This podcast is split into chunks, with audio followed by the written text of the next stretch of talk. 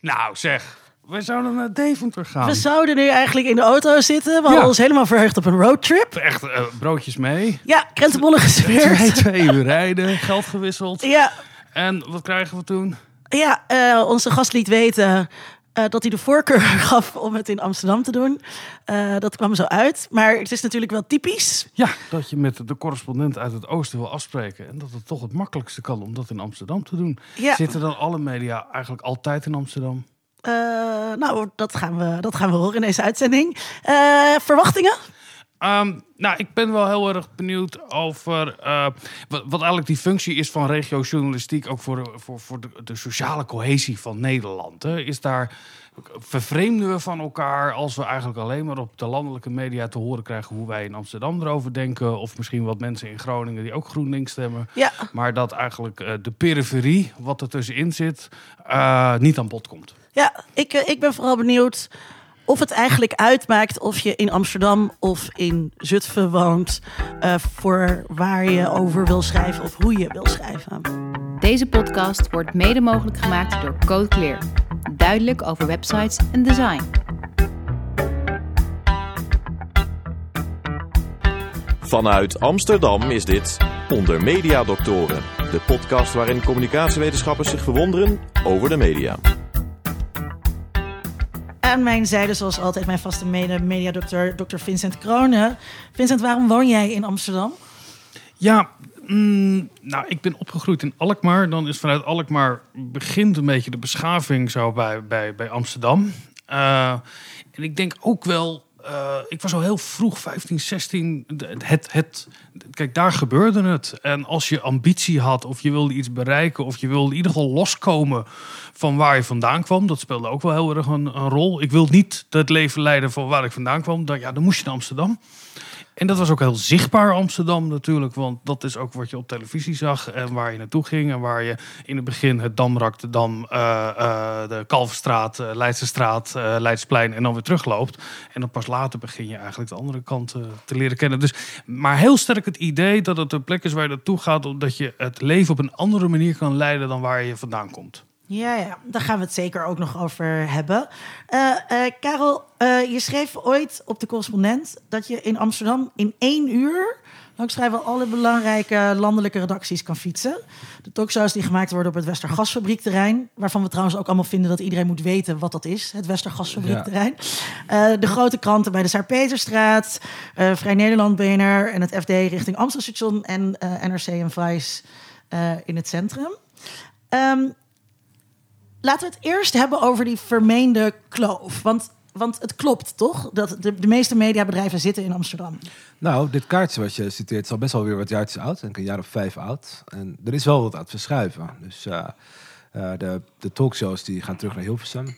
Sowieso is er een beweging terug naar Hilversum aan de gang eigenlijk. Hè, waar, eerder vijf, zes jaar geleden een beweging van Hilversum naar Amsterdam aan de gang was. Ehm, dus dat vind ik wel interessant om waar te nemen. En natuurlijk is er de afgelopen anderhalf jaar door corona ook veel veranderd. Mensen eh, gingen ineens werken op de plek waar ze woonden. Dus, eh, dus in die zin eh, eh, is er zeker wat, wat veranderd sinds, sinds ik dat stuk maakte. Ik denk zes jaar geleden inderdaad inmiddels. En, en vandaag. En ja, je vraag was, bestaat die kloof nou echt? En dat is altijd een beetje voor voor... ja, het is een beetje in die eye of the beholder natuurlijk. Hè, van, hoe, hoe, hoeveel waarde ken je toe aan dat verschil dat er is? Eh, wat mij gewoon opviel als correspondent Oost-Nederland... is dat heel veel mensen die kloof in elk geval ervaren. Ja. Dus, eh, dus dat ze het gevoel hebben van er is in Amsterdam... en met Amsterdam bedoelen ze dan eigenlijk de Randstad... een, eh, een groep mensen die, die de rest van Nederland vertelt... Ja, wat de beste films zijn, wa- wat de, wat de mode is... wat ze moeten stemmen, bij wijze van spreken. En dat gevoel vind ik interessant. Dus, dus ik, ja, dat, dat, dat gevoel, eh, of dat terecht is ja of nee, dat, dat, dat is niet aan mij om te beoordelen. Maar ik vind het wel interessant dat zoveel mensen dat waarnemen. En eh, eh, op productie zeg ik voor de geheime list van... hè, waar, wonen je, waar wonen de meeste Nederlanders? en de meeste mensen hier in de Randstad denken van... ja, nee, het is hartstikke druk, dus de, de meeste mensen wonen hier. Maar de grap is dat ruim eh 10 miljoen mensen niet in de Randstad wonen. En dat Ja. is best een hele grote groep. En, dus er zit iets, iets grappigs, vind ik, in, de, in het, het idee dat veel mensen hebben... Ja, dat hier eh, de toon gezet wordt. En eh, dat is de afgelopen jaren ook steeds luider geworden. In de tijd dat ik correspondent Oost-Nederland was, eigenlijk in mijn eerste maanden daar, kwam ik eh, Caroline van der Plas tegen, die toen net bezig was met het oprichten van haar politieke partij. Dus ik heb haar toen een tijdje gevolgd voor de krant.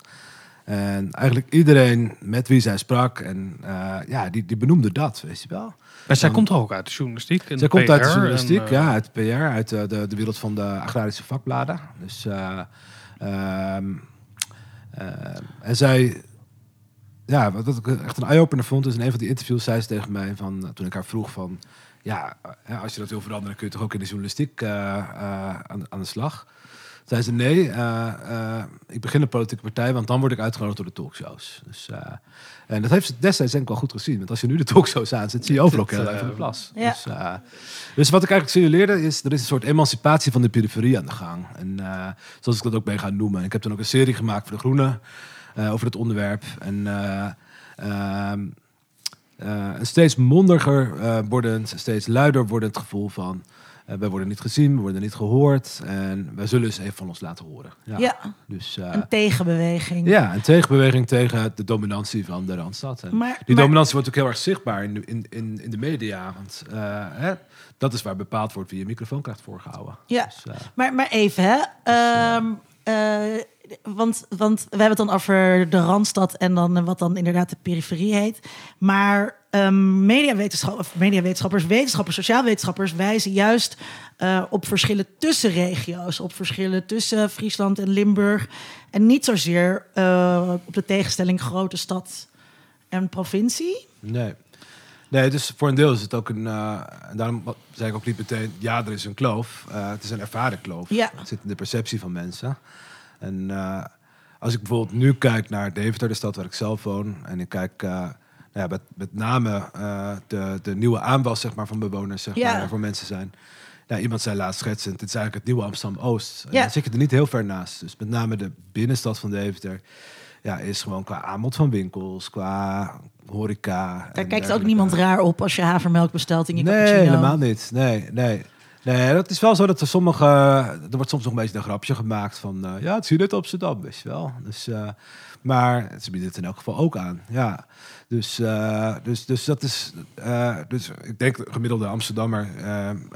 althans, die bestaat denk ik helemaal niet, de gemiddelde Amsterdam. Maar laat ik het zo zeggen... Iemand die in de, de culturele sector werkt en in Amsterdam woont... heeft een leven dat heel erg lijkt op iemand die in Deventer woont. Ja. eh, en in de culturele sector werkt. Dus waar je, waar je bijvoorbeeld werkt en hoe je je leven leidt... is eigenlijk veel beslissender, denk ik, dan eh, waar je fysiek woont. Ja. Dus, eh, dus dat is ook een deel van het verhaal, absoluut. En waarschijnlijk eh, komen die Dus, mensen, net als eh, Vincent en ik, ook van buiten de Randstad. Ja, nou volgens De mij... is- meeste mensen die, ja. die hier in Amsterdam wonen, Ja, eh, maar wat zijn Karel natuurlijk zegt- gewoon opgegroeid Ja. in eh, Alkmaar of Zeist of Zutphen. Ja, maar dat was de beweging natuurlijk heel sterk naar de stad toe. En volgens mij zie je nu ook een beweging eh, door sociaal, economisch, financiële redenen... dat mensen ook weer buiten de Randstad gaan wonen. Eh, ook omdat dat qua werk ook eh, voor sommige mensen kan. Dat je veel online werkt, zoals jij dat ook Ja. kan combineren. Aan de andere kant zie je ook dat gezinnen juist weer in de stad blijven wonen. Dus hoe die dynamiek, die is wel anders geworden dan toen ik in de jaren zeventig geboren ben. En op het moment dat je de Finex-wijken ook heel erg gericht waren op daar wonen. En dan moest je naar de stad al voor het culturele leven. Ja. Zit daar ook een. Wordt er Nou, ook- ik vind het interessant wat je zegt. Ik denk namelijk dat, dat er in de jaren dat, dat we nu over dit onderwerp praten... en dat is intussen al wel een jaar of zes... ook echt wel iets aan het veranderen is. Dus eh, eh, voor mij als tiener was Amsterdam, net als wat jij eh, net vertelde... ook inderdaad de plaats waar de vrijheid zat, zeg maar. Dus ik herinner me nog heel goed dat ik eh, als domineeszoon woon ik dan in Breukelen, in het Gooi. Dus op de rand van het Gooi. En daar gaat een bus naar Amsterdam. Op een gegeven moment, stiekem, terwijl mijn ouders niet kijken... stapte ik in bus 120... En stapte ik uit op het Muiderpoortstation en keek mijn ogen uit. Weet je wel. Ja. Het, zeker, ja, Muiderpoort, dat is de hele wereld, zeg maar. Komt daar samen. Dus, eh, en een andere keer zat we op de bus en eh, kwamen we, hoe heet het, bij Tuschinski uit om naar James Bond te kijken en zo. Dat was de plaats waar dingen gebeurden, ja, die, die je in je dorp niet eh, meemaakte. En, eh, dus ik ben er ook gaan studeren. Eh, ik heb hier jarenlang met heel veel plezier gewoond. En, maar ik merk wel dat de dingen die ik aantrekkelijk aan Amsterdam vond, eigenlijk steeds minder werden. Ja. Dus betaalbare woonruimte, de tijd, nou ja, dat, dat, dat is bijna een cliché. Hè? Elk feestje gaat, gaat het over de wooncrisis. Maar dat is zeker een deel van het verhaal. Eh, broedplaatsen. Ik heb bijvoorbeeld ook heel veel culturele evenementen georganiseerd. In, eh, wat nu Pakhuis de Zwijger is. Weet je wel, dat was vroeger een kraakpand. En voor mij was Amsterdam eh, ja, de plek waar de wereld open ging. Maar eigenlijk steeds minder zo. Dus, En dat je Dus- misschien ook zag dat het helemaal niet zo gesloten was op die plek, op plekken. Nou, Waar nee, inderdaad. Maar ik geloof dat de dynamiek een beetje aan het verdwijnen is. Dus, dus en hè, alle theoretici die zich bezighouden met de vraag hoe veranderen dingen, zeggen ook altijd: je moet in de periferie wezen als je wil weten hoe de wereld verandert. Dus daar, dat is de creatieve plek. Dus als ik nu bijvoorbeeld naar Deventer kijk, weet je wel, dit, is, als je daar kunstenaar bent, is het gewoon simpelweg nog mogelijk om, om Ja. atelierruimte te, te, te vinden. En dan niet alleen zeg maar als een soort voorbode voor, voor, voor een certificatie, maar, eh, maar, maar ook eh, voor, de- voor de langere termijn. En hè, terwijl ik dit zeg, zeg ik ook van ja, het proces wat nu in Deventer aan de gang is, lijkt heel erg op wat ik tien jaar geleden in Amsterdam heb zien gebeuren. Dus de periferie verschijnt ook telkens. Maar ik denk wel dat Amsterdam in die zin eh, zijn allure een beetje aan het verliezen is. Ja, van de stad waar, waar je de vrijheid komt vinden en realiseren. En, eh, eh, dus Amsterdam heeft daar een probleem, denk ik. Dus eh, ja, en het zijn ook golfbewegingen, denk ik. Hè? Want het zou goed kunnen dat het over tien jaar weer helemaal anders is. Maar, Ja, eh, maar je ziet wel dat. ja. Kijk, wat we nu in Amsterdam. Kijk, die dominantie van mediamakers in Amsterdam is denk ik nog steeds enorm groot. Ja. niet alleen de talkshows, dat zijn ook.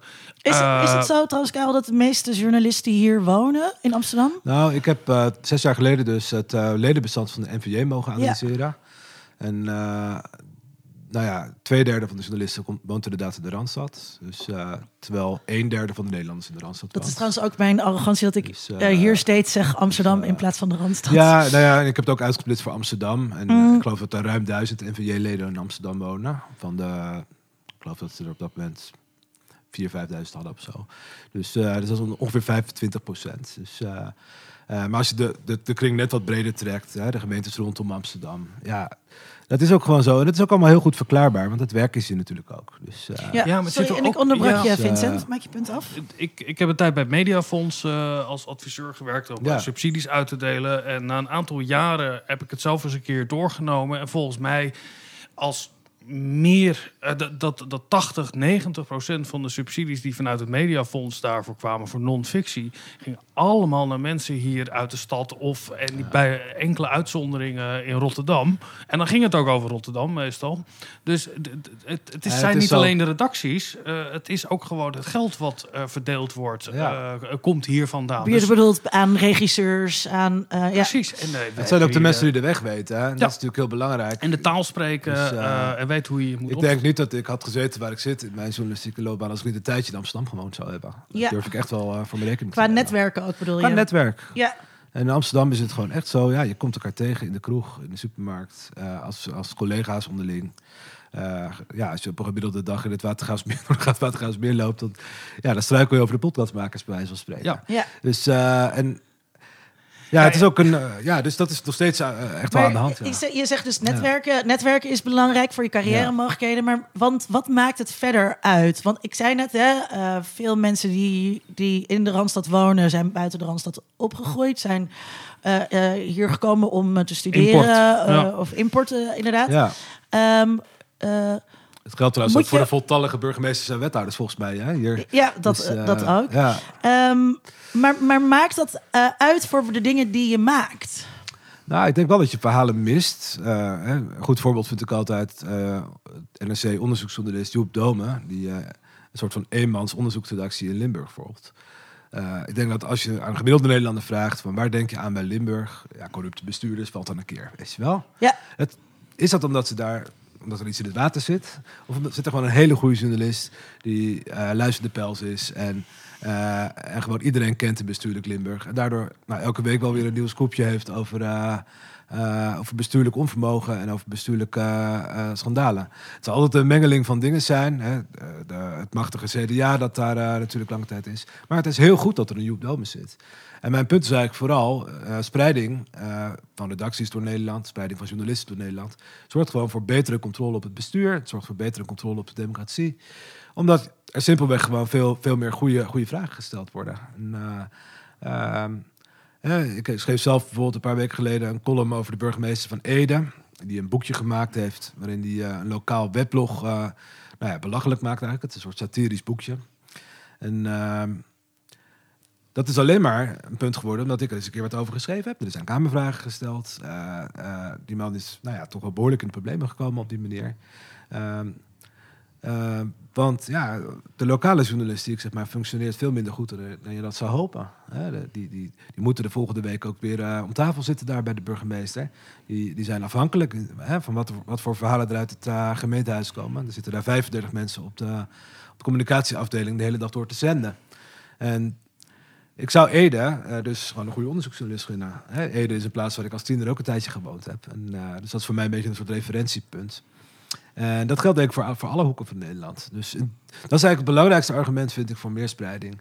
Is dat je gewoon ja, uiteindelijk als journalist afhankelijk bent van, van je netwerk, van je tips, van, ja, van, van, van bronnen. eh, en nou ja, dat kan alleen als je daar woont. Dus Ja. dat komt niet zomaar automatisch jouw kant op. Dus, eh, Ehm, worden er ook ehm, bij de televisie en de radio minder gasten uitgenodigd van buiten eh, de Randstad? In verband met afstand, onderzocht. reiskosten. Nee, ik heb zelf wel de ervaring dat ze dan wel een taxi sturen bij de talkshows. Eh, eh, hè, dus Ik heb altijd het idee dat ze blij zijn eh, als, als, als, ze aan me vragen, als ze vragen waar woon je? Dat ik dan zeg Amsterdam. Ja, het scheelt ah, in oké, de dus dan kom je met de fiets. Ja, het is lekker makkelijk. Nee, dat is zo. Dat, dat, dat, zal zonder meer een rol spelen. Maar eh, nou ja, wat, wat ik wel gek vind is eh, ehm, dat ze er allemaal zitten in Amsterdam. Ik bedoel, het zou toch eigenlijk journalistiek gezien heel interessant zijn om eens een keer een talkshow in Doetinchem te organiseren. Ja, Deze week, eh, terwijl wij praten, is met het oog op morgen naar Groningen gegaan. om daar een aflevering te maken. Hè, het bekende radioprogramma het eind van de dag. Eh, vond ik een heel goed idee. Eh, tegenwoordig dat zijn we natuurlijk veel Ja. mobieler met, met, met mobiele eh, podcaststudio's en noem alles maar op. Dus waarom zitten we zo vast aan die fysieke plek hier, zeg maar? Dus, Nou, je Ja. zag met de overstroming hebben ze volgens mij op één heeft daar een, een, een je ziet ook dat het dat het met als, alsof het een soort op safari is. Hè? Ja. We zitten al gelijk in een eh, Limburgs café en dan moet Ja. ook de kapel moet nog een keer langskomen. Promenade heeft En, toch uh, Promenade on Tour gedaan. precies. Dat- dat- dat- waarin dat- ze dat in, ook een beetje in de maling namen. zeker. Het wordt er gauw een beetje tenenkrommend. Ja, zo van, wij komen even in- ingeparasiteerd. Ja. En, eh, Ik weet wel uit Amerikaans onderzoek weet ik dat eh, als mensen uit de regio daar komen, of in ieder geval van het platteland, dat zijn vaak De flyover states bedoel je? Ja, dat zijn de mensen die zeg maar, het beleid ondergaan. En de mensen uit de grote steden, dat zijn degenen die de keuzes maken. En dat verschil, dat zie je denk ik ook bij bijvoorbeeld Hart van Nederland... die Ja. veel meer gericht is op de regio. Die een heel duidelijke redactionele keuze hebben gemaakt. En wat mij betreft dat fantastisch doen... eh, om ook te laten zien wat zijn de gevolgen eigenlijk van eh, bepaald beleid. Eh, hè, dus in Ja. Duitsland heb je ook zo'n enorme, zie je altijd. In Duitsland zetten ze er gewoon onder opfer, gewoon slachtoffer. Dat is dan je, je, degene die aan het woord is. Ehm, in, die zin, daarin zie je dat er, als er aandacht is juist voor de regio, gaat het altijd over of een natuurramp wat daar heeft plaatsgevonden, of er is inderdaad corruptie, of er is een, eh, mensen in een Brabants dorp die, eh, die vertellen dan, oh, we hadden nooit gedacht dat hier een ecstasy lab zou zitten. precies. En dat Ja. is het verhaal wat je uit de regio Ja, Je reproduceert voortdurend clichés. En Ja. eh, het beste argument, eh, denk ik, is dus om goede journalisten op andere plekken te hebben wonen. Is dat je minder clichématige beelden krijgt van eh, bepaalde regio's. Dus, En er ook en als ik zelf als correspondent Ja. Oost-Nederland vroeg, stel ik heel vaak de vraag aan mensen van... wat is nou de grootste misvatting die over jouw regio bestaat? En in de Achterhoek zeiden heel veel mensen bijvoorbeeld... nou, dat het hier altijd file is, weet je wel? Want je hebt ook daar een, een, een, eh, eh, hoe heet het, een, een deel van de snelheid dat richting Duitsland gaat... waar het gewoon elke ochtend vaststaat. En ze zeiden dat omdat ze wilden duidelijk maken van... we zijn geen krimpregio, althans, we hebben krimpregio's in de Achterhoek... maar we zijn ook een economisch dynamische regio... waar gewoon, eh, ja, waar gewoon nooit bij de file is. Dus, Maar- en, eh, ehm, dus, ik, ik juist Ja. dan zou denken. Eh, ik, ik, ik, heb, ik heb geen rijbewijs, dus ik, ik ben niet zo snel weg onderlegd, zeg maar. Maar dan eh, kom ik ergens langs en dan denk ik, oh ja, dit ken ik van de filemeldingen. ja. Batman. En nooit op een andere manier heb ik gehoord Ja, over precies. Hoevelaken. Eh, Nee, nou, dat is wel een goede goed, goed, goede rubriek trouwens in de krant. Van, plaatsen die alleen van, van, eh, van snelwegknooppunten kent. ja. Dus, eh, Ja, maar eh, nee, dat is zonder meer zo. En, eh, dus een minder clichématig beeld van, van het land waarin je leeft. Dat is denk ik wel nuttig. Dus, eh, En ook eh, andere verhalen dan alleen maar verhalen van ja. mensen die iets ondergaan. Of die er het slachtoffer van zijn geworden. En Eh, voor een deel is dat ook wel natuurlijk een functie van journalistiek, is om problemen te signaleren, inderdaad. Ehm, Ehm, een ander goed voorbeeld, ik had toch ook wel het gas in Groningen, zeg maar. Dat jarenlang een enorm thema was in Noordoost-Groningen. Uh, maar pas een echt groot thema werd toen er op een gegeven moment op de landelijke televisie een geweldige documentaire te zien was. Nou, ze mochten een keer aanschrijven bij Matthijs van Nieuwkerk. Uh, het balletje ging rollen. Uh, ze gingen in bussen naar de Tweede Kamer toe, waar ze met z'n allen op de publieke tribune zaten. En dat voorbeeld, dat, ja, dat heeft veel nagevolging gekregen. Denk aan de trekkers natuurlijk, die uit het hele land naar Den Haag reden. Ja, maar het is dan toch dat het podium, de, de, legitimatie zit erin dat er een keer mensen uit uh, zo'n zo'n rampgebied komen of uh, aardbevingsgebied, of dat mensen vanuit de randstad zich gaan opwerpen als woordvoerders voor de mensen daar. Ja. Uh, Freek de Jong of Joep van het Hek, weet niet meer. Die, die dan, en, dat vind ik het juist een extra een bevestiging hebben. We hebben dat in andere emancipatiebewegingen. Op het moment dat de ander gaat zeggen: Ik ga wel voor jou het woord voeren over waarom jij echt wel die, die zorg nodig hebt. Ja. Is eerder Arjen misschien Lubach was het in dit geval. Ja, die, dan nog de, die nog de legitimatie heeft, omdat hij zelf Groninger is, volgens mij. Ja. Maar natuurlijk ook hier zit, uh, hier twee straten verderop overigens. Nee, in deze straat zit hij met zijn productiebedrijf. Um, kortom, die, die, die, die, die afstand wordt er eigenlijk uh, veel meer door bevestigd. En uh, ook dat die mensen dan opgevoerd worden, want uh, als een beetje rare mensen. Ja. Die dan, uh, en dat noemen we dan in positieve zin authentiek. En die komen of in dat soort programma's, of we zien ze bij vroeger in programma's als Man bij het Hond. Of in, vroeger had je Paradijsvogels. Dat waren de momenten ja. dat we ja. mensen uit de regio aan het woord lieten. Uh, of het moet uit Helmond zijn. En weet je wel dat we echt de bittere, bittere armoede hebben. Mm. Maar die verhalen krijg je ook nog wel eens uit Rotterdam. Uh, een soort stedelijke, kleinstedelijke armoede. Rotterdam is niet klein, ja. maar zoals in. Uh... Maar ik kan me dus ook voorstellen dat uh, je bent. hè, dus je maakt de editie NL. en je moet met je busje het land door om items te draaien. Ja, dan, en je gaat een, arm, een item draaien over armoede. Dan doe je dat liever in de buurt van Hilversum. Dan dat je daarvoor helemaal naar Stadskanaal rijdt. voor een item dat je ook ergens anders kan maken. Ja, dat precies. heeft ook gewoon denk ik met, met tijd en kosten te maken. Ja, dus moet je jezelf volgens uh, uh, de journalistieke reflex aanleren om te zeggen van nee, maar het is ook belangrijk dat we daarin variëren. Uh, en we kunnen ook een freelancer armoede heeft overal een verschillend gezicht. Dus de Fortuinenvolte heeft ertoe geleid, denk ik, dat heel veel media in een soort reflex schoten van we moeten een oude wijkenbeeld in beeld krijgen. Hè? nou, 20, 15 jaar geleden. Dus uh, ineens was er een overdaad aan journalistiek uit uh, de probleemwijken, de vogelaarwijken, nou, prachtwijken, krachtwijken. Um, maar wat we in al onze aandacht voor dat verhaal denk ik een beetje gemist hebben, uh, is dat er nou ja, ontzettend veel krimpregio's zijn in Nederland. waar vergelijkbare problematiek speelt. En waar vergelijkbare angsten ook spelen over de toekomst. Ehm, bijvoorbeeld inderdaad op het Nederlandse platteland. Waar de afgelopen jaren natuurlijk wel ja, door die acties van die boeren in ieder geval heel veel aandacht voor gekomen is. Dus, uh, ja, maar dat dus, zijn dan uh, weer de, de, de extremisten van Ja. dit soort protestbewegingen die de aandacht krijgen en ook uh, de kritiek dan krijgen. Ja. De, de Farmers Defence Force. Terwijl die onvrede natuurlijk al jarenlang daar Precies. bestaat. En wat ook zo jammer is, is dat het dus kennelijk nodig is om, althans, ik zeg niet dat, ze, dat het per se nodig is, maar uh, om aandacht te krijgen moet je dus dat soort fratsen uithalen. Moet je inderdaad met, zo'n, met z'n allen met trekkers daar, Ja. naar, naar, naar, naar, naar Den Haag toe. Terwijl je eigenlijk zou willen dat je in een land leeft waarin ja, dat soort onderwerpen op een natuurlijke manier oppoppen. Want zo groot zijn we niet. Ja, hè, je zijn net helemaal naar. Maar eh, als je twee uur rijdt door Nederland, dan kun je overal komen. Dus, Ja. eh, en dat is zeker, als je het vergelijkt met andere landen, natuurlijk echt peanuts. Dus, En je eh, kunt ook een freelancer inhuren uit Ja. de Groningen stad. eh, die daar een journalistieke Ja. opleiding heeft gevolgd. Nou, dat vond wat ik je wel heel- ziet, is dat de goede Ja. journalisten die inderdaad in Groningen, daar zit een geweldige journalistieke opleiding. ehm, ja, vroeger of later toch eh hun bissen pakken en deze kant op komen. En eh, ja, dat, dat, dat, dat is een verlies, denk ik, voor de lokale democratie. Dat is een verlies voor, voor Nederland, dat, dat al die journalisten hier aan het samenklitten zijn. Dus, Dat vond ik heel raar bij de verslaggeving over Afghanistan. Dan zit er een correspondent zit in New Delhi. ja, En er is een, een, een regionale, een lokale journalist ingehuurd om daar te gaan draaien. Wat ik heel erg goed vind. Ik vind het ook heel goed dat ze zeggen, wij zitten in Delhi. Ja, dat is ongeveer hetzelfde als je over Amsterdam bericht vanuit Marokko. Uh, Waar Joris Luijendijk ook aandacht voor heeft gevraagd. ja, dit mij. soort. Ja. eh, en, en, en- maar waarom doen we dat niet in, in Nederland veel meer? Waarom moet er een, een busje Ja. vanuit Hilversum naar, eh, naar de, de uitgestrektheid van het enorme Nederland gaan?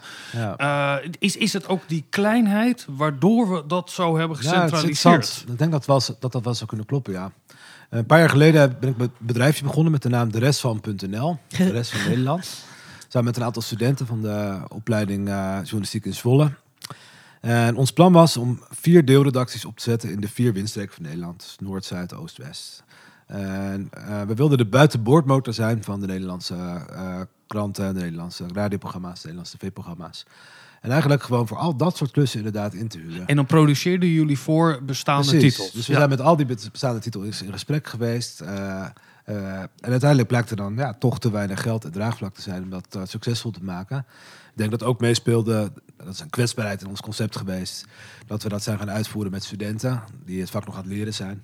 Dus hè, we hebben een paar try-outs gedaan en dan is het inderdaad eh, best bewerkelijk. Hè? De kwa- kwaliteit van de kopij vraagt dan in ieder geval nog een slag extra eindredactie. Nou ja, in de drukte van een te krant... werken met studenten.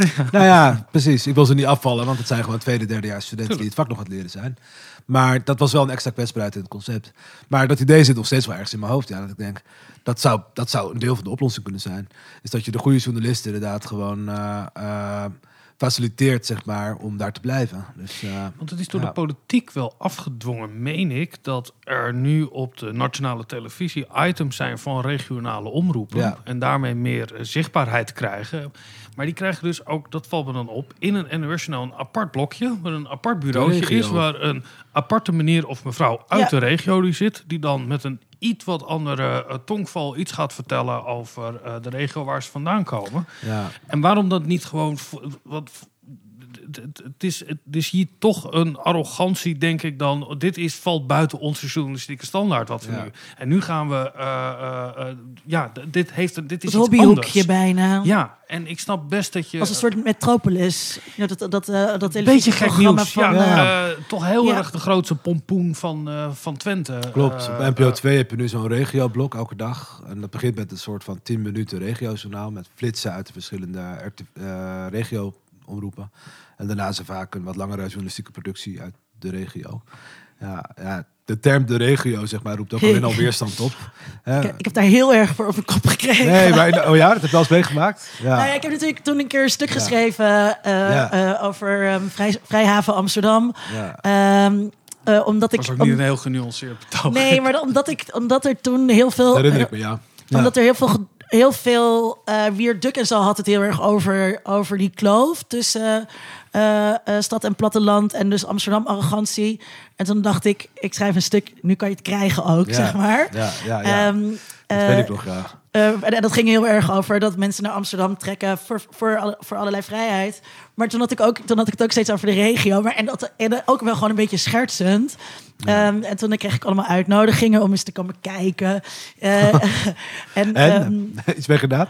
eh, nou ja, het is, het is niet dat ik nooit buiten Amsterdam Nee, nee, kom. nee. Dus dat, dat, vond ik, dat vond ik daar dus heel typisch aan. Die assumptie. Eh, waar, je als, waar we als Amsterdammers een beetje, wij maken daar grappen over. Hè, van, dan gaan we op excursie naar buiten de ring. Ja. Maar, ehm, Het is altijd maar half ironisch, heb ik het idee. Maar, eh, ja, maar, maar maar er zit- ondertussen, kijk, ik- ik maar het- ondertussen zijn ja. we, het is ook niet dat we er, dat we er nooit zijn. Nee. En, eh, ehm, eh, en, en, dus, en mensen zeiden dus heel erg, Amsterdam is ook een regio. ja. Ja. Ja, die heb ik ook. Amsterdam ligt ook in de Ja, provincie. ik vind dat eh, het, Maar- het, het gaat gauw een beetje de Calimero-kant op. En het is inderdaad ook waar dat, dat de populisten garen spinnen bij dit soort sentimenten. Ja, maar En, wat, eh, want wat, ehm, ja. want je had het even over hè, dat, er, dat er een soort eh, miskenning ook, eh, ook zit. Wat doet dat met het gevoel van burgerschap voor mensen die buiten de Randstad wonen? het levert heel erg het gevoel op van dan regelen we het zelf wel onderling. Dus eh, eh, en ja, het- miskenning. Eh, Ik weet niet eens of dat het juiste woord is. Er- Heel veel mensen leven ook als een, enorm gevoel van trots op de eigen regio. Nou, dat herkennen Amsterdammers. Dat Amsterdammers ook. Zie jouw column inderdaad. Dus, eh, dus in die zin zijn we ook allemaal gewoon trots op onze eigen streek. En eh, eh, wil je dat dat gezien wordt. En eh, eh, ehm, ja, ik denk uiteindelijk dat, eh, dat de ervaren afstand zeg maar, tussen eh, Den Haag, eh, en dan heb ik het even over politiek Den Haag Mhm. natuurlijk, En eh, met name de, de, de, de streken, eh, ja, de grensgebieden, om het zo maar eens te zeggen, eh, is groter dan je zou willen. Dus, eh, en dat wordt zichtbaar in de media. Dus, eh, En waar, zitten waar Dus- zitten die verschillen dan? eh, nou, dat, dat zit hem. eh, eh, ik begrijp even niet hoe je het bedoelt. Eh, het verschillen tussen Amsterdam en. En, en die, en die eh, grensgebieden? Ah, oké, ja, precies. Ja, nou ja, ik denk dat het verschil vooral is dat eh, eh, mensen in elk geval minder waarde hechten aan werk. Vind ik een heel opvallende. Dus eh, ehm, ehm, hè, een van de dingen die ik echt opvallend vond is toen ik uit Amsterdam naar Deventer ging, is dat eh, eigenlijk bijna elk gesprek dat ik voer met mensen gaat eigenlijk totaal niet over werk. Dus, Ja. eh, terwijl in Amsterdam op, op feestjes de eerste vraag is, hey, waar zit je? Of wat doe je? Waar, waar Ja. werk je? Waar zit je? Dus, eh, dat is een hele... ja, Waar zit je? Dat is een ja. hele specifieke vraag. Ja. Dus en nu kan ik eh, eh, bij wijze van spreken dagenlang eh, met mensen optrekken zonder het over werk te hebben. Wat ik eigenlijk ook overigens ook heerlijk vind. Ja. Dus werk heeft een andere plek, vind ik een opvallend verschil. Eh, eh, nou ja, het zit hem ook gewoon in. Eh, ehm, ja, met- welke netwerken vul je je leven? Hè? De belang van familie is groter. Ehm, ehm, valt me op. Ehm, je, je bent meer gericht eigenlijk op, eh, op het eh, eh, versterken van je eigen lokale gemeenschap en minder bezig met, met de grote buizenwereld. Versterken van je eigen Ik positie. vind ook dat eh, de, de, de, de rol van journalistiek, zeg maar, is heel anders. Dus de status ook ervan. Dus eh, in Amsterdam kon je best een goede beurt maken op feest als je zegt van dat je bij een journalistiek platform werkt of bij een eh, krant. En hier kijk, denken mensen in sommige plekken van Oost-Nederland best een vies gezicht. Dat ze denken van, oh jee, zo'n journalist, dan moet ik oppassen wat ik zeg. Zo. Ja. Dus, eh, en nou ja, wat natuurlijk een heel zichtbaar verschil is, is ook eh, ehm, eh, de rol van, van het platteland überhaupt. Hè? Dus eh, wij zien, hebben de neiging, denk ik, eh, in het Westen eh, de rest van Nederland te zien als een plek waar het vooral heel mooi is, waar je kunt recreëren. Terwijl voor eh, veel mensen in het Oosten, om het even tot mijn eigen gebied te beperken, ehm, ja, de plek waar ze wonen ook de plek is waar ze, waar ze, waar ze eten voortbrengen. Dus er zijn eigenlijk niet eens zo heel veel boeren in Nederland, 50.000 boerenbedrijven. Maar de economie rondom die boerenbedrijven is, is enorm. En ook de, de status daarvan. Dus ook mensen die van spreken nooit van hun leven op een boerenbedrijf komen, maar gewoon bouwvakker zijn of eh, heel ander werk hebben, die voelen zich toch boer op een andere manier. Die- Maar ook, die- komt dat ook door de, door de Ja. aanwezigheid in het landschap? Ja, precies. Dus eh, eh, het, is, het is in die zin veel dichterbij. En wat mij als correspondent Oost-Nederland op, opviel, is inderdaad ook hoe sterk die gemeenschappen zijn. Dus eh, ik heb als een jongerengroep gevolgd die een, een, half jaar bezig was met het verzamelen van hout voor het paasvuur bijvoorbeeld, weet je wel. En dan eh, ja, heel teleurgesteld was dat het paasvuur werd afgeblazen, omdat eh, vanwege klimaatverandering en zo. Dus, dus ja, dus, er zijn wel degelijk van dat soort verschillen, ja. Het zit een deel ook in opleidingsniveau. Dus, dus er zit ook een hele grote concentratie universiteiten en hogescholen hier natuurlijk. Terwijl eh, in de Achterhoek bijvoorbeeld, wat een enorme regio is, pas onlangs de eerste hogeschool eh, opende, namelijk een PABO. Na, na heel lang eh, gepraat. Dus dat, dat doet ook iets met de populatie. Hè? De slimme jongens en meisjes moeten allemaal de regio uit, zeg maar, om te kunnen werken. En, Zou er ook een verschil zijn in burgerschap en waar je verantwoordelijk voor voelt? Hè? Ik denk dat die twee dingen heel sterk samen Ja, mensen die trekken zich inderdaad in de eerste plaats wat aan van de directe leefomgeving. En veel minder van eh, ja, wat, hoe, hoe het land bestuurd moet worden of iets Maar, dergelijks. s- ja, maar ja. Zou, ik kan me heel goed voorstellen dat er een verschil zou kunnen zijn in de viering die je hebt of verantwoordelijkheid die je voelt voor, eh, voor waar je vandaan komt, je afkomst, Mhm. waar je geworteld bent en waar je eh, al die dwarsverbanden in jouw leven uit bestaan. En een verantwoordelijkheid voelen om daarvan los te breken en juist ergens anders heen te gaan. Dat je dan op een andere manier eh, je op, als je opnieuw wortelt ergens anders dan waar je vandaan komt, dat het anders functioneert dan als je de viering hebt van de wortels waar je mee geboren bent. Mhm. Denk jij dat dat, dat Ja, Ik- als ik het is iets een minder verschil tussen een gekozen identiteit en een... eh, Jij zei net, de, de, de helft is grapjes die je maakt Ja. in Amsterdam. Of tenminste, Ja. het is 50% serieus van... eh, kijk, als je al naar Amsterdam trekt en je moet in deze omstandigheden hier je leven opbouwen. En eh, if you can make it here, eh, weet je wel, dat, dat, zit, er- Ja, dat zie je het is in ook een soort Amsterdam. kwaliteitskeurmerk. Als je het Amsterdam gemaakt hebt, dan... En dan moet je daar natuurlijk ook wel die viering in hebben. Dat je Ja. die, die, die, dat, dat superieure gevoel. Dat je hier je plek hebt. Dat je hier bij de media of in de media werkt. Of dat je in de kunst of de cultuur. Want ja, dan wordt werk ook automatisch belangrijker van. Ja, ja, en dan moet je ook met elkaar klitten. En dat aan elkaar steeds weer opnieuw gaan vertellen over hoe Ja. leuk het hier is. Terwijl volgens mij, als je eh, in, in de omgeving eh, Deventer woont, Ja. is het gesprek over hoe mooi en hoe te gek is het hier, komt niet zo vaak voor. Want dat Nee. is een gegeven. Nee, wat ik eh, het meeste hoor in Deventer, als ik op straat loop daar, zei, hey, niet enthousiast over Deventer schrijven, hè, anders komt iedereen deze kant op. Ja, precies. Dat, dat, dat, Dus, een, een geïmpliceerde Ja. notie over de eigen Maar regio. dat, zeggen, maar dat zeggen Amsterdammers ook. Nee, wij zeggen heel vaak tegen elkaar hoeveel beter het is in Amsterdam dan Ja, maar, ook, nee, maar, maar Amsterdammers zeggen ook tegen elkaar eh, dat het niet de bedoeling is dat iedereen hier komt wonen. Eh, in- ja, is dat zo? Dat hoor ik helemaal niet. Ja, Ja, nee, en- nou, toeristen en zo, dat is een... Nee, veel- ook. Ik had laatst nog een heel gesprek met, eh, met een vriend van me toen ik eh, door de wijk liep tegenover jouw buurt. Dus Ja. de nieuwe Houthavenswijk. Wat, Ja, wat dat is waar. echt- ja, dat is verkeerd echt- slag. Ja. Dat is, ja, Ja, dat ja. is, dat Ja, is maar de dat zijn geen- import. Dat is de import van de heteroseksualiteit waarvoor wij gevlucht zijn, zei eh, die vriend van me. ja. Eh, Ja, nee, en dat, dat is toch heel nadrukkelijk niet de bedoeling. Ja, maar dat, dat, dat, ja, dat denk ik dat het inderdaad... Die weerstand is er wel, want laten we niet al te veel truttige nieuwbouwwijken neerzetten.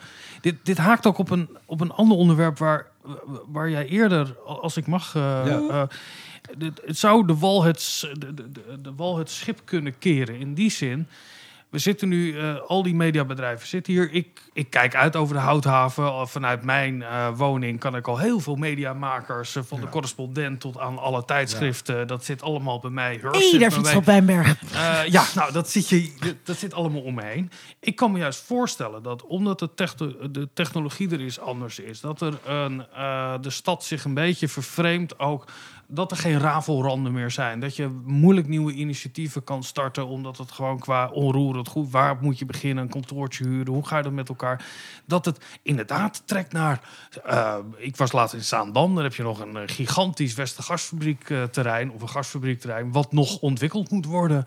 Eh, in Haarlem zie je dat aan de randen ontstaan. Je ziet dat steeds. Nou, in Ik Deventer. organiseer laatst een, een soort Rotterdam, huissessie in Deventer voor mijn redactie, van de media-redactie van de. Eindhoven heeft dat ook. Ik zei van, ja, we spreken af in de gasfabriek. Dus dat is Ja. ook wel grappig. Oh, maar hebben jullie dan ook een gasfabriek? Ja, wat denk je? Weet je wel? Ja. Dus, eh, maar inderdaad, dus ik, heb, ik zie die verschuiving ook. En eh, eh, ik denk dat, dat, dat bedrijven er ook goed zouden, aan- zouden doen om als ze zich ergens gaan vestigen, eh, niet altijd automatisch voor Amsterdam te kiezen. Dan denk ik ook aan internationale bedrijven. Eh, burgemeester van der Laan was er ook erg mee bezig trouwens. Die Ja. zei heel erg nadrukkelijk ook van... eh, waarom ga je niet in Delfzijl zitten tegen bedrijven? Dus eh, die spreiding is uiteindelijk ook voor Amsterdam goed. Het verlicht de druk een beetje op het centrum. En dat zag hij, vond ik altijd wel heel scherp. Dus, en ja... ehm, Maar zou dat ook gaan... Kijk, de reden dat die talkshows weer allemaal terugtrekken in Hilversum... dat is natuurlijk een beweging die Ja, eerst in de jaren 60 is ingezet... dat Ja. steeds gepingpongd werd. Ja. Dus eh Sonja Barends had hij dan ook. Dan moest een grote truck voor de deur. En dan was het wel handig. En dan kwam ook de plantage, Studio Plantage kwam daar. En dat gaat steeds heen en weer. Maar zou het niet op een gegeven moment... eh, het is gewoon, de reden is geld. Dat het Ja. niet meer op de Westergasfabriek zit. Of- Nee, dat is een belangrijk deel van de reden. Maar ik denk ook wel dat, dat, er, dat er iets breder cultureels aan de hand is. En dat raakt aan wat ik eerder zei over hè, Amsterdam, dat zijn allure aan het verliezen is.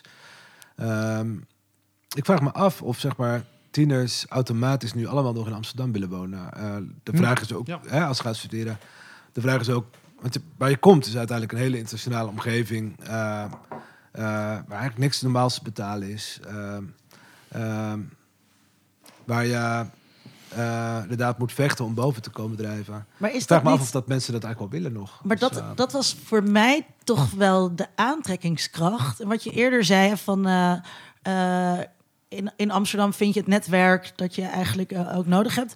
Dat, dat ik me wilde optrekken aan andere mensen met heel veel ambitie. Natuurlijk, ik liep hier ook als student in Ja. Amsterdam rond en ik zag al de cafés vol schrijvers zitten. En ik dacht, daar wil ik later ook zitten als, Hè, als, als, als, als ik zelf schrijver ben. Ja, En dat je dus ook wel, dat, het, dat competitie je ook wel, ook wel eh, helpt met het dus eh, ja. eh, met jezelf omhoog trekken of je meten aan andere mensen. Maar wij mochten ook een onderdeel daarvan zijn, omdat je nog iets kon huren. Eh, ik heb ook jarenlang in het centrum gewoond. eh, ik woon hier op het Bikkers eiland. Ik heb Ja. dus een fantastische studententijd gehad. Dus eh, voor 250 per maand. Ja, als dat er niet meer is en je woont eh, ergens in eh, Riekershaven, ik weet niet eens waar het ligt, eh, in een container. Ik denk dat dat gevoel dan van die betrokkenheid dat je Ja. in Amsterdam bent, waar inderdaad Nou ja, maar bij twee- Café Zwart eh, ook naast de nee, nee, nee, nee. gaan twee zitten. van onze podcastkinders. Ja. Eh, Tom Aalmoes, nu succesvol redacteur en producent bij Dag en Nacht Media. En Iris Verhulsdonk, eh, producent en redacteur eh, op, de, op, gevonden. de, op de NRC podcastredactie.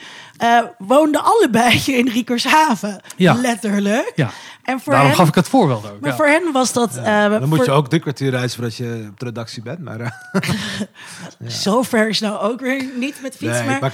Maar voor, voor hun, eh, eh, waar wij dus heel arrogant doen over buiten de ring. En wij maken ook wel eens grapjes zeg maar, over dat. Je hebt ook natuurlijk nog de ring Nassaukade, Stadhouderskade. Oh, ja. En de ring uh, Wilderdijkstad, Ja. Centuurbaan. En, ehm eh, Wordt eh, steeds meer de praat zij- van oude mensen, heb ik het idee. Ja, dat, maar dat is Ja, dus wel ja. zo. Dat ja, we dat zijn ze- het ook dat- een beetje aan het voeren. Ja. ja, dat zij, dat zij daar echt andere ideeën over hebben. En dat Ja. eh, Amsterdam dus voor ons ook gewoon kleiner is dan voor Ja. hun.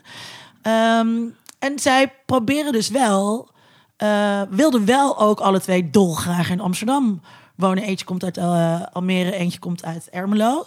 Ehm eh, Ja, goedjes, ja, goedjes aan ja. Tom en Iris hier. Maar ehm En eh, Volkert, wilde dus, die die wilde, wil- nou, en Volker daar ook een goed voorbeeld van. Die wilden dus wel allemaal, die hebben alles op alles gezet ook om hier te wonen. Dus dat is ook. ehm, eh, Ja, maar ik, dat, dat zei Karel. En ik denk, die drive die er dan zeg maar is.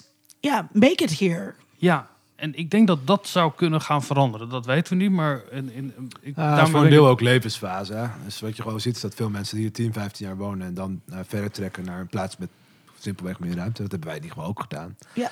En ik eh, heb in Deventer de afgelopen jaren, als ik even zo snel tel, wel dat tien journalisten van verschillende media eh, kunnen verwelkomen. Die allemaal inderdaad Ja. dezelfde stap gemaakt hebben. We hebben nu een appgroepje met elkaar en we Ja. denken wel eens wat. Want, eh, Dus, want je zocht een antwoord op vragen als... ehm, wat als NRC in Deventer gemaakt zou worden? Wat, wat dan? Heb je daar een antwoord op gevonden? Wat zou daar gebeuren? Nou, Deventer is steeds meer op Amsterdam aan het lijken. Dus ook dat is de afgelopen vijf, zes jaar wel veranderd. Ehm, maar ik denk in ieder geval dat... eh, en we hebben in Amsterdam natuurlijk ook een... of in Deventer ook een bekende eh, mediamaker, namelijk Eus. Die eh, dat ook is gaan doen. Hè? Die heeft Onze Man in Deventer. Dat neemt hij op op de Brink. In Deventer waar hij woont. En dan haalt hij altijd de gast naar Deventer. Ehm, ik denk dat je een ander type gesprekken krijgt. Dat ik denk, ja, wat rustiger is, wat minder gericht is op, op carrière en wat meer op, wie je bent en wat minder op wat je doet. Ik denk dat dat is heel concreet is, is wat, je, wat uitmaakt. Eh, ik denk dat je gewoon een rijker beeld krijgt van de wereld waarin je leeft. Dat inderdaad minder gericht is op al die, die problemen en die clichés.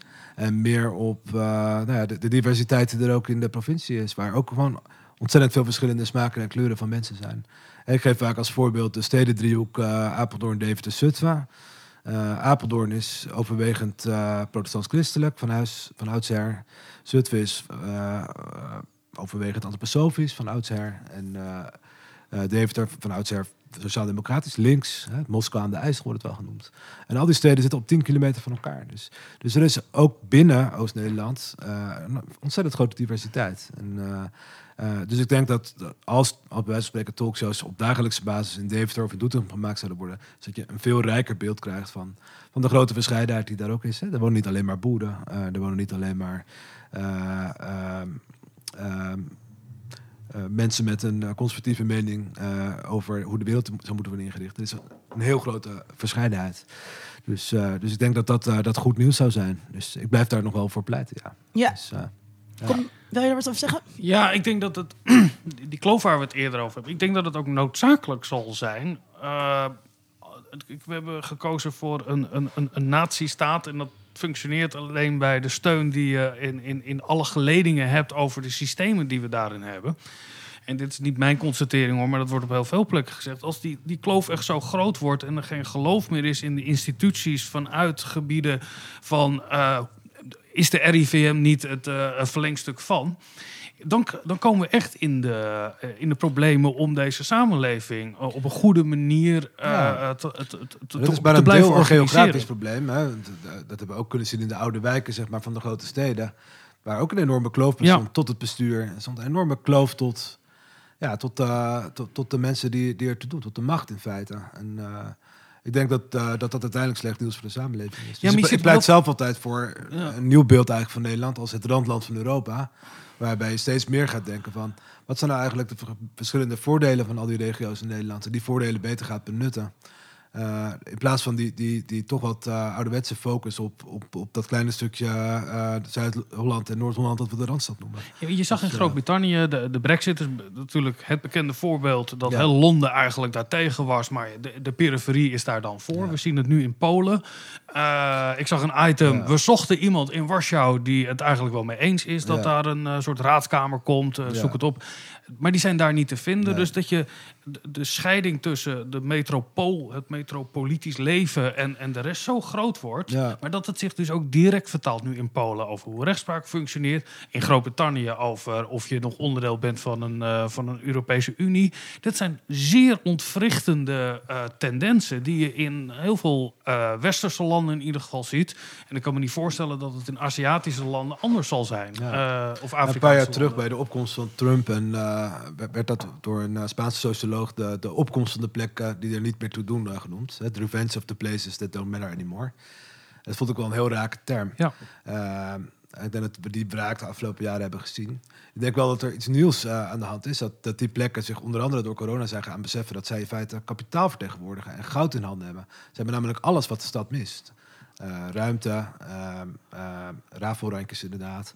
Dus de vestigingsvoorwaarden zijn eigenlijk veel gunstiger dan ze misschien altijd gedacht hebben. Dus ik heb dat Calimero-gevoel, zeg maar, van hè, wat inderdaad heel erg achter de brexit en eh, achter de opkomst van Trump zat. Eigenlijk steeds meer zien veranderen in een soort nieuwe assertiviteit. Hè, waar Caroline Plan de Plas dus een heel goed voorbeeld van vindt. Van fuck it, we gaan gewoon naar Den Haag toe. We gaan ze vertellen hoe het zit, weet je wel. Maar ook heel veel Dus, mensen. eh, we gaan doen wat de Partij voor het Dieren gedaan hebben. Sorry. Ehm, eh, eh, met Ja. corona, eh, die bedacht hebben hoe aantrekkelijk is het eigenlijk om in een stad te wonen. Ja. En is het niet eh, fijner om dicht bij de natuur eh, te zijn? Een hele herwaardering eh, Ja. daarvan. Ehm, waar laatst nog een stuk over stond. Was, ging dat ook over Deventer? Dat als ik hier in een winkel eh, eh, cappuccino met havermelk bestel, dan weten ze niet wat ik bedoel. Dat ik echt dacht, nou, dat, ik gelo- dat geloof ik dat gewoon niet. stuk heb ja. ik ook gezien, maar ik, ik kon me nauwelijks voorstellen dat het echt was. Ja, dat, Dus, vond, dat vond ik eh, heel raar. Dus, eh, Ehm, maar, maar dus dat, dat die herwaardering er ook is. Is er niet ook zo'n stad bij Groningen die gebouwd is... waar eerst gezegd werd... eh, dit blijft allemaal leeg staan en dit was een totale mislukking... en waar nu alle huizen verkocht zijn? Blauwe stad. Is dat Blauwe stad?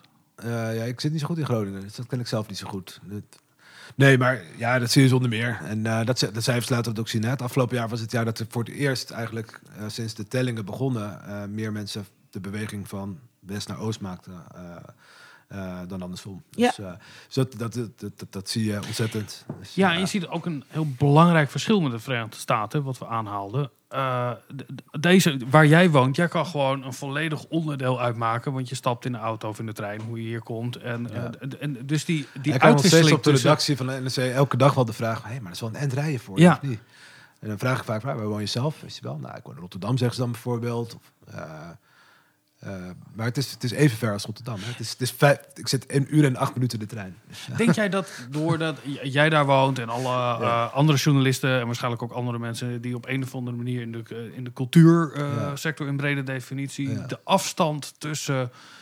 Blijf, blijven jullie de vreemde eend in de bijt daar? Of Nou, er verandert de minder. cultuur van de stad ook daardoor? wat- je ziet is dat ja, gevraagd worden om inderdaad debatten te organiseren in de, de lokale schouwburg en zo. Daar ben ik nu concreet zelf mee bezig. Eh, dus journalisten, het zijn vaak ondernemende types die, die ook iets gaan doen voor de stad waarin ze wonen. Dus eh, Eus is natuurlijk ook weer een goed voorbeeld, die allerlei schrijvers aan Deventer haalt. Dus en Deventer is ook eigenlijk van oudsher een boekenstad. Hè? Dus, Ja. ze zullen het ook altijd zeggen. boekenmarkt, ja. we hebben- Dev- de grootste boekenmarkt van Europa is er. En, het Dickensfestijn. Uh, noem alles maar op, weet je wel. Dus, uh, dus zonder nou als de, de, afdeling van de VVV te willen klinken...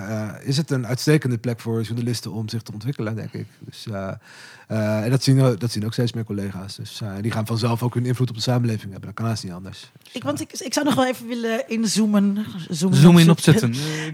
nee, in, in willen zoomen op inderdaad wat we, wat we kunnen doen. Dus je zei, of je zegt er, er is al heel duidelijk een kentering gaande wat ik ehm, heel interessant zou vinden, ja, is, uh, sorry, je wilde wat vragen. Dus, oh, nou ja, dus wat, Er, aan, wat, er, wat er aan gedaan kan worden. Ja, ja, ja.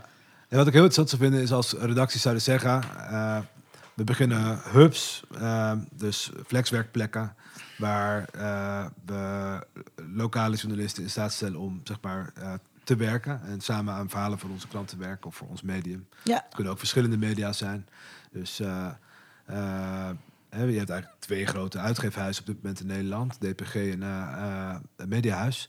En ik zou het interessant vinden, alleen al bewijs van experiment, als bij wijze van spreken in Maastricht en in Groningen en in Zwolle uh, van dat soort flexwerkplekken gaan ontstaan.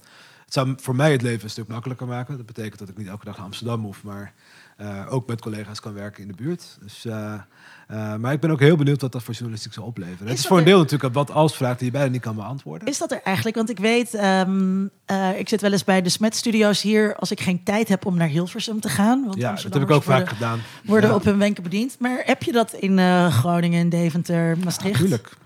En ja, we zitten hier zelf met een soort studio in jouw huiskamer. Dus dat is natuurlijk ook heel makkelijk te realiseren. Dus Eus, mijn, mijn stadgenoot Eus, kan Akjol dus, die, die, die heeft het gewoon als eis gesteld. Die zei van, nou, ik ga wel best een programma voor de NPO maken, maar dan moet het vanuit mijn huis gebeuren. Dus dat kan tegenwoordig makkelijker dan ooit, zou ik zeggen. Ja. Dus, en je kunt natuurlijk ook heel makkelijk hybride vergaderen en zo. We hebben natuurlijk onwijs veel geleerd de afgelopen anderhalf jaar. Dus volgens mij is het een uitstekende tijd voor dit soort experimenten. Ja. Um, de NOS kondigde pas geleden aan om meer te gaan samenwerken met lokale redacties. Gaat dat helpen? We hadden het er net al even over. Uh, dat het een soort rariteitenrubriek uh, wordt? Of een beetje. Ja, dat gevaar heeft het wel, inderdaad. En je moet denk ik.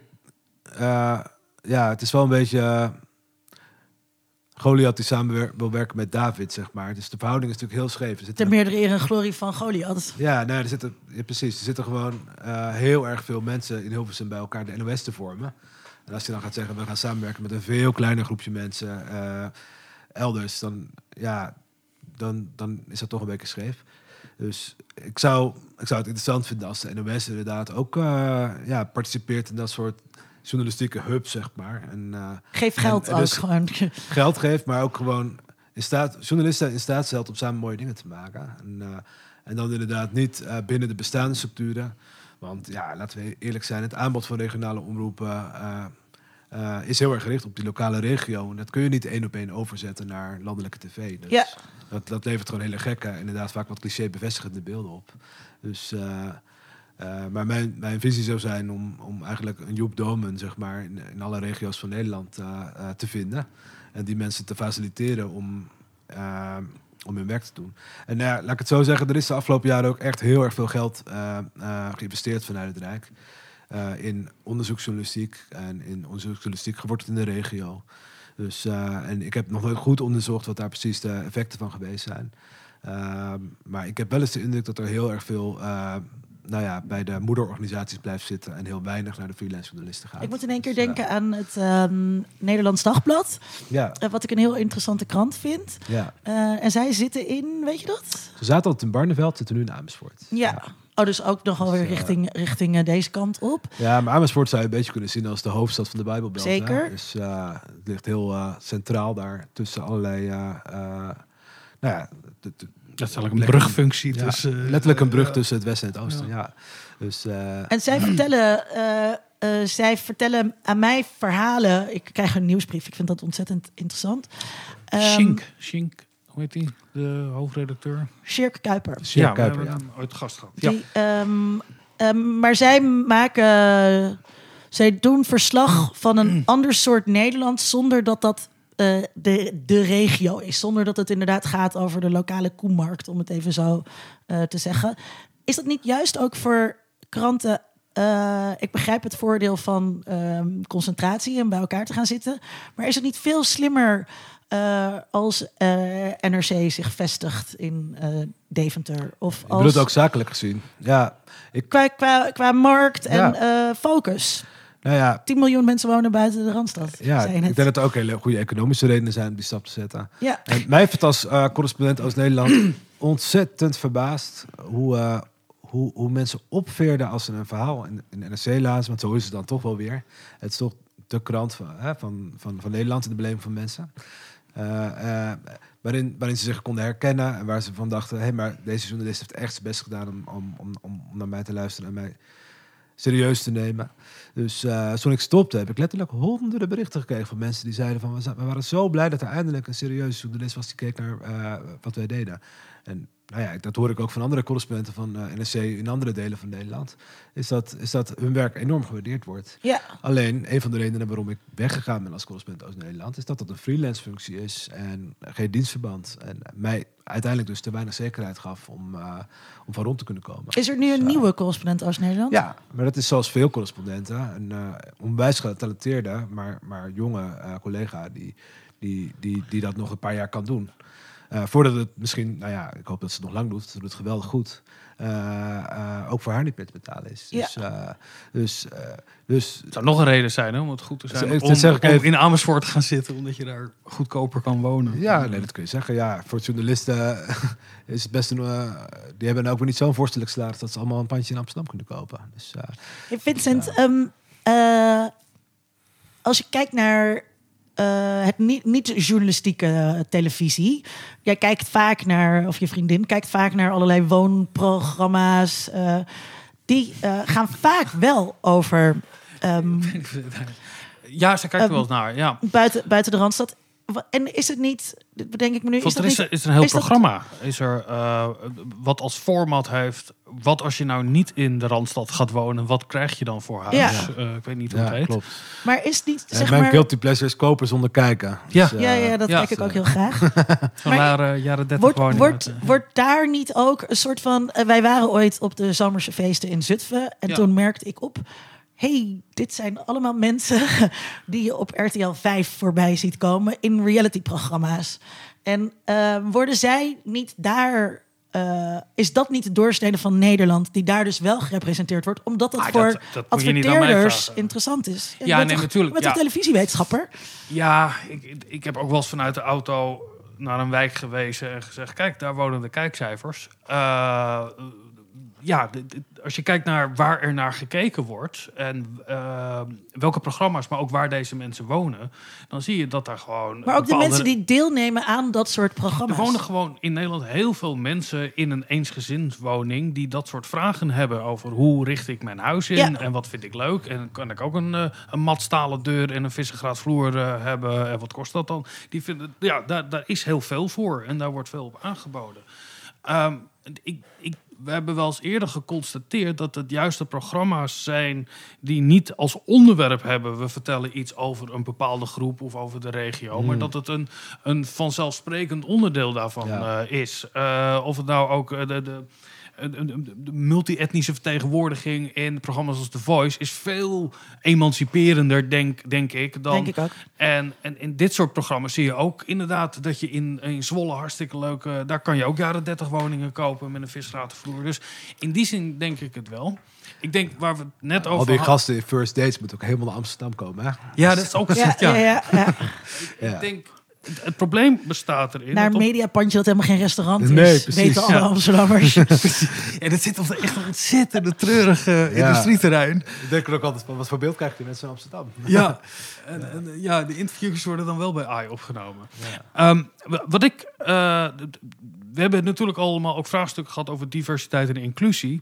En eh, er zijn allemaal initiatieven gekomen ook om mensen van kleur bijvoorbeeld op redacties te krijgen. Dat heeft wel eens het, nou, een, een niet een beoogd effect gehad. Want mensen worden gewoon onderdeel van de redactiediscipline, de redactiecultuur. Waardoor je die eigenheid of dat andere perspectief helemaal niet mee kan brengen. Dus ik denk dat lokaliteit in dit geval ontzettend belangrijk is. We moeten niet eh, eh, een diversere redactie samenstellen door ook mensen uit Deventer aan te nemen of uit Sneek. Want ja, daar hebben we een heleboel van in Amsterdam. En laat ze hier drie jaar lang rondlopen. Voordat je het weet, zitten ze... Nou ja, dat kan je ook in Sneekhavenmelk. Uh, het, mensen gaan op elkaar lijken als ze bij elkaar zitten. Dus juist die spreiding in zo'n klein land als Nederland... eh, zou toch... Dat kan denk ik daadwerkelijk iets bijdragen aan die eh, diversiteit in Ja. representatie. Ja. Ja. Eh, Jij bent natuurlijk geen ehm, reality-expert, maar is het jou wel eens opgevallen dat die representatie van mensen die buiten de Randstad wonen groter is in dat soort programma's? Meer een soort van vanzelfsprekendheid heeft? Ja, ik heb het natuurlijk nooit geturfd, maar het is meer op een heel, ja, wat je zegt, vanzelfsprekende manier. eh, omdat het commercieel mogelijk interessant is, eh, ehm, eh, denk ik beter. Ja, je zou zoiets moeten turfen voordat je zoiets natuurlijk heel stellig zegt. Dat hoef ik tegen jullie te zeggen als wetenschappers. Ik denk wel dat eh, je ook niet moet onderschatten hoe graag mensen eh, kijken naar extraverte mensen en naar, naar, naar gekke mensen. En eh, je had het net over mensen die inderdaad in eensgezinswoningen wonen. Hè, de grote meerderheid van Nederland. In, in gewoon echte woonwijken. Waar je inderdaad, als je er s'avonds doorheen loopt, zeg maar allemaal tv's aan ziet staan. Die allemaal nog steeds gewoon naar lineaire tv kijken.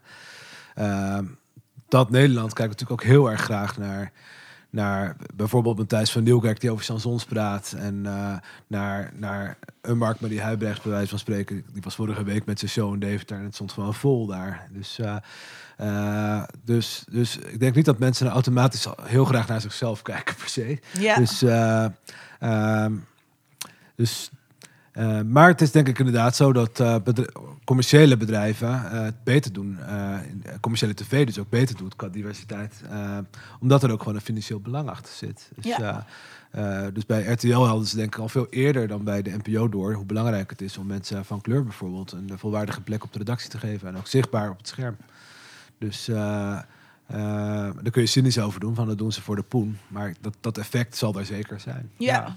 Nou ja, Dus, liever, eh, liever meer diversiteit en representatie voor de poen dan niet meer Ja, diverse nee, representatie. dat, precies. Dus daar kun je inderdaad ook... eh, ik ben daar zeker zelf niet cynisch over, nee. ja. Dus, ehm, maar ja, ik bedoel... De, de journalistieke opleidingen zijn heel erg gespreid door Nederland. Hè? Dus je hebt vier verschillende delen van Nederland heb je journalistieke opleidingen zitten. Tilburg Ehm, ook. En ik heb zelf een tijdje in Zwolle les gegeven aan Windesheim. En waar ik toen wel van schrok is hoe eh, ehm, zeg maar jonge mediamakers, jonge journalisten daar eh, eigenlijk allemaal het gevoel hebben dat ze eerst eh, ja, moeten verwesteren voordat ze serieus genomen worden. Op een gegeven moment vroeg ik van hoeveel mensen eh, overwegen logopedie om van hun accent af te komen. En Ja, meer dan ja, de helft van de vingers ging de lucht in. Echt waar? Ja. Dus eh, dat zelfs zo. Nou, de- ik de- de- op Snap de- ik ook wel. Nee, op dezelfde opleiding, eh, eh, op de opleiding journalistiek zit ook een opleiding logopedie. En wat dan wel eens gebeurde in de loop van die eh, eh, ja, studiejaren daar, is dat die logopedie-studenten, zeg maar, eh, eh, die journalistiek studenten gingen helpen om van hun accent af te komen. Dus, eh dus het was voor mij wel een eye-opener. Dat ik dacht, dus om mee te mogen praten op de Nederlandse tv, moet je jezelf veranderen. Moet je jezelf conformeren. Ik heb wel eens Dus, eh, eh, ehm, met mijn studenten gender studies zo'n soort privilege walk-achtig iets gedaan over Mhm. privilege van ik, ik ben nog nooit op straat lastig gevallen vanwege mijn seksualiteit. En dan punten toekennen, zeg maar. En daar had ik dus een vraag aan toegevoegd. Ehm, eh, ik heb eh, eh, nooit mijn accent moeten afleren. En dat leidde ook tot heel interessante gesprekken onder studenten. Die dat dus, zeker als ze naar Amsterdam komen, dat die, die, druk voelen. Terwijl Ja. in Utrecht bijvoorbeeld dat dan ook weer veel minder. Nou ja, dat hangt van de zwaarte van het accent af. Maar ik ken uit mijn eigen omgeving, ik ken het zelfs van, mij, van mijzelf, dat ik naar Amsterdam ben gekomen. En dat je dan eh, gewezen wordt op een bepaalde tongval. En dat viel bij mij nog wel mee, want ik kwam hier 40 kilometer vandaan. Ja, Maar ik, eigen studenten die inderdaad een Limburgs accent hebben. En dat je in die drie jaar ze dat echt razendsnel zien afleren. Eh, we hebben er wel eens met Mark van Oostendorp volgens mij over gehad. Dat er toch een associatie is met eh, minder ontwikkeld. Eh, Minder buiten je eigen eh, eh, regionale bubbel geweest. Ja, je hebt natuurlijk een, een host gehad aan Brabantse cabaretiers bijvoorbeeld. Dus Hans Theeuwen, eh Theo Maassen en nog wel een aantal. Roland Snijders, geloof ik. En die hebben denk ik heel erg ook wel het beeld bevestigd ook voor een deel. Dat, ja, dat het vaak een beetje lompe schreeuwende boeren zijn. Ja, met je hebt, eh, accent. heet het, Kids, Dus, Turbo eh, Kids, eh, eh, de Maaskantje, de, de, ja, de, dat precies. Dus dan komt er een associatie tussen accent en, eh, en tongval aan de ene kant en hoe serieus genomen wordt. Maar al deze cabaretiers wonen ook in Amsterdam, hè? Ja, Eh, precies. Maakt het... eh, Zeker, zoals, zoals, zoals iedereen die iets in de media doet. ja. Ja, ja dus dat is wel, ja, ik vind het interessant. En, eh, eh, ik vond het eerlijk gezegd ook wel shocking hoeveel mensen, eh, eh, of jonge studenten, zeg maar, zichzelf dus aan het veranderen waren om, om maar mee te mogen doen. En ik denk van ja, dat zou, dat zou het centrum toch ook te de- denken moeten geven. Ja, dat is ontzettend Zeker, verdrietig. zeker als je bedenkt dat dat de, de plek is waar mensen het mond, de mond vol voortdurend hebben van diversiteit. Ja, maar volgens mij heb je ook maar twee opties. Je kan of je aanpassen. Eh, en dan kan je ergens in mee. Of je Ja. moet het tot een soort unique selling point maken. Je haalde Eus al een paar keer Ja. aan. Die heeft het heel erg geëtaleerd en gecultiveerd, zijn, zijn, zijn afkomst. eh, om dat te, benoemen daarin. Waardoor je je kan Precies. onderscheiden. Maar het je er niet op voor laten staan, maar wel daarop betrapt worden. Ja. Met jouw tongval, dat, ja, dat is. eh, dan, ga je, dan ga je het niet redden. Ja. Nee, nee, precies. Ehm, aan het, eh, we komen aan het einde van de aflevering. En aan het einde van de aflevering beantwoorden we altijd een vraag. Ehm, ik eh, stel hem eh, eerst aan Vincent en daarna aan jou. Ehm, dezelfde vraag. Wat, wat missen, Vincent, wat missen we in. Wat missen we omdat media randstadcentrisch zijn? Want dat zijn ze. Ten eerste, ik denk dat ze dat zijn. Ik denk dat ze dat al heel lang zijn. Eh, ik denk dat het wel dat er indicaties zijn dat het zou kunnen gaan veranderen. Eh, ook omdat de buitengebieden eigenlijk eh, veel toegankelijker worden en, en veel meer vermenging is. De technologie hebben we allemaal gezegd.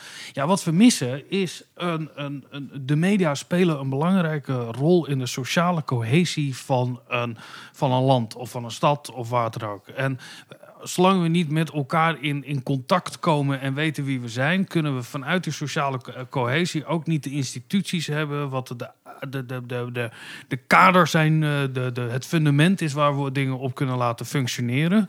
Dus wat we. Wat we mogelijkerwijs van gaan missen, is dat die sociale cohesie verder uit elkaar valt. En waar we door uiteindelijk in een nou ja, misschien wel een soort, soort constitutionele crisis terecht zouden kunnen komen. Dat bijvoorbeeld een uitslag van een verkiezing niet meer geloofd wordt. Om maar eens een heel simpel voorbeeld te geven. Waar we helemaal niet zo heel ver vandaan zitten, denk ik. Dus juist door daarin te investeren. Niet op een manier van, goh, we hadden veel eerder moeten zien wat er gebeurde eh, bij Pim Fortuyn eh, opkomst. Weet je wel, toen zijn we allemaal in, in oude wijken gaan kijken. En dan maar blijven roepen dat het niet gezegd mag worden. Maar zeker ook de aandacht die er, eh, het- van, van- de ontwikkelingen die er zijn, die meer zijn dan alleen maar slachtoffer van aardbevingen, overstroming of eh, CO2-regelingen. dus ook verhalen laten vertellen, eigen initiatieven die daar voortkomen, mooie dingen die in de kunst en cultuur of politiek plaatsvinden. En niet alleen maar vanuit een perspectief van slachtoffer van het Westen. Karel, wat missen we omdat media randstadcentrisch zijn? Nou ja, ik kan hier bijna niet tegenop. Dit is een eh, zo vurig betoog. dus, eh, maar wat ik heb denk ik het al wel gezegd heb. eh, we missen een heleboel goede onvertelde verhalen, denk ik in de eerste plaats. We missen gewoon een rijker beeld van het land waarin we leven.